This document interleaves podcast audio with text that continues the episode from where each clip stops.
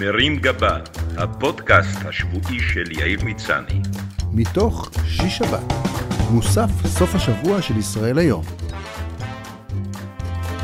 והשבוע לא קלה דרכנו. השבוע זה קרה.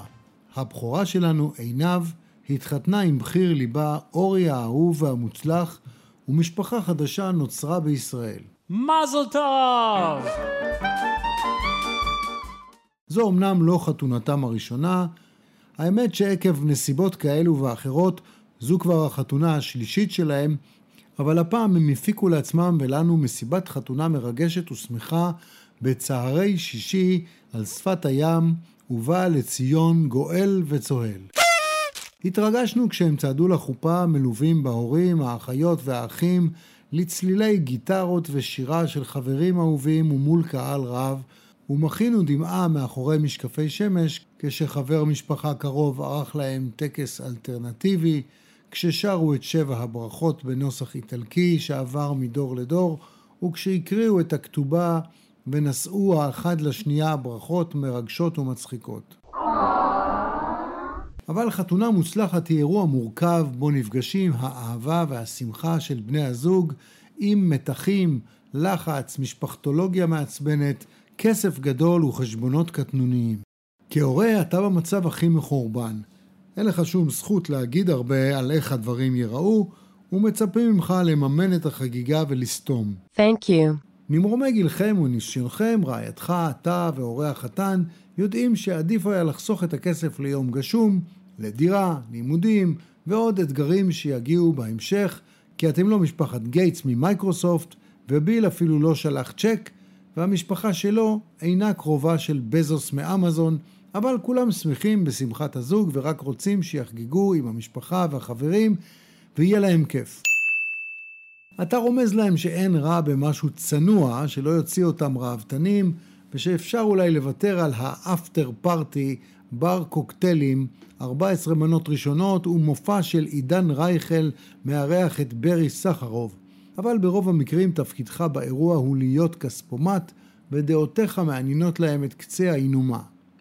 כאמור, בלי קצת מתחים אי אפשר, וחתונה מייצרת כמות אינסופית של התנגשויות מיותרות הנובעות מהבדלי תפיסות, הבדלי אופי, רקע, טעמים ודעות ביחס לקבבונים. בני הזוג עצמם שעדיין לא מורגלים בתן וקח של החיים הזוגיים, מחפשים את מקומם בתוך מערכת היחסים ומנסים לסמן את הטריטוריה. לכל אחד יש, חוץ מרצונות וטעמים אישיים, גם את החובה לייצג את המשפחה שלו, שמעבירה דרכו, לפעמים ברמזים ולפעמים באופן בוטה, מסרים לצד השני. על פי המסורת, בשלב מסוים הכלה תריב עם אימא שלה, ובהמשך גם תכעס, בשלב זה רק בדמיון, על אמו של החתן. הזוג אמור לקבל החלטות משותפות על אולם האירועים, העיצוב, האוכל והדי-ג'יי, וביחד עם ההורים לייצר רשימת מוזמנים. רשימת המוזמנים היא פתח לצרות צרורות. יש את מי שחייבים להזמין מהמשפחה הקרובה והחברים הקרובים של שני הצדדים, הכל כמובן בכפוף להחלטה על גודל האירוע והתקציב. יש אנשים שאתה שמח להזמין ושמח שישמחו איתך ביום חגך, אבל יש גם את אלה שבא לך לראות אותם בערך כמו דחורים. אבל אי הנעימות מחייבת אותך להזמין אותם רק כי לפני 15 שנה הם הזמינו אותך לחתונה שלהם, שגם בה סבלת, ועכשיו לא נעים מדודה שולה. צריך להחליט את מי אתה מזמין מהעבודה, ואם לא תהיה סלקטיבי, תמצא את עצמך עם אלפיים מוזמנים וריקודים עם פנחס מהנהלת חשבונות. לא תמיד מדברים על זה בקול רם, אבל אי אפשר להתכחש למחשבה התועלתנית, האנושית והקטנונית שמתגנבת לך על הראש, ובה אתה מנסה לחשבן איזה צ'ק תקבל ממי, והאם ההזמנה שלו תשתלם לך. לא אני כמובן. באירוע עצמו מצופה מההורים לפתור את הפאזל המורכב של הושבת האורחים, כשאתה אמור לקחת בחשבון מי מתאים למי, מי מסוכסך עם מי, ואיך לא מושיבים את חברת המשפחה על יד מי שגנבה לה בזמנו את הבעל. Good. אחרי שנקבעו העקרונות הבסיסיים, נמצא המקום ויש הסכמה על הצוות והקונספציה העיצובית והבידורית, מגיע פרק הטעימות. אתה מוזמן להגיע ולהסב לשולחן שבו מגישים לך תקרובת בסגנון מאסטר שף, ואתה בתפקיד אייל שני צריך להביע דעה ולנקד את המנות. Excellent! ההמלצה היא לאכול מהכל והרבה, כי בזמן האירוע עצמו תהיה עסוק או שיכור, לא תזכור על איזה אוכל סוכם וגם לא יהיה לך זמן לטעום ממנו. הציפייה ממך כאבי הכלה היא שבניגוד לחיים עצמם בהם אתה לבוש כמו חורני, באירוע עצמו תתחפש לבן אדם מכובד, תקנה בגדים חדשים, תוריד 20 קילו ותגיע לחתונה בלוק של ברד פיט.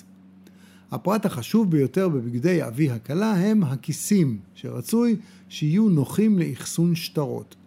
במהלך האירוע הם תפוחים מכסף מזומן שהוצאת מכמה כספומטים שאינם מקוונים כדי שתוכל לחלק טיפים למלצרים, טבחים, שומרים, ברמנים ונותני שירות מבלי שהסכומים הגדולים יגרמו לנפילת המכנסיים בזמן שאתה רוקד דיסקו על הרחבה.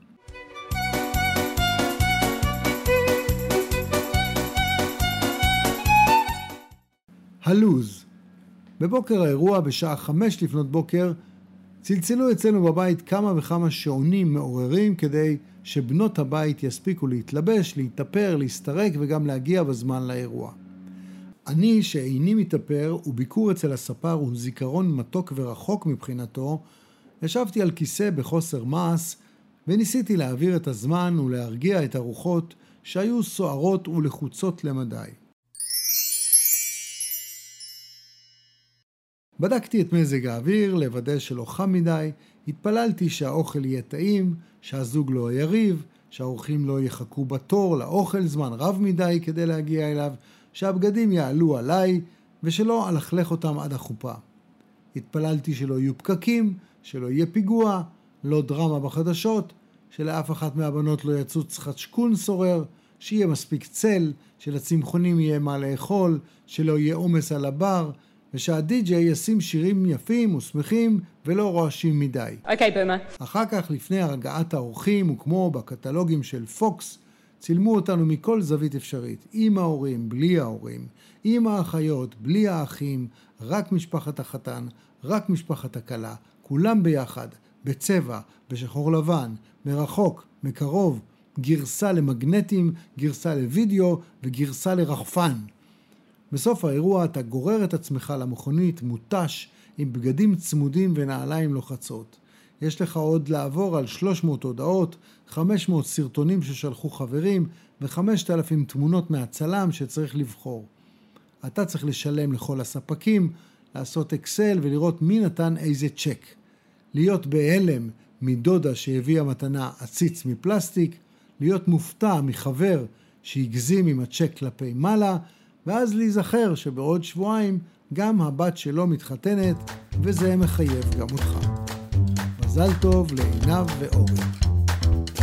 מרים גבה, הפודקאסט השבועי של יאיר מצני. מתוך שיש שבת, מוסף סוף השבוע של ישראל היום.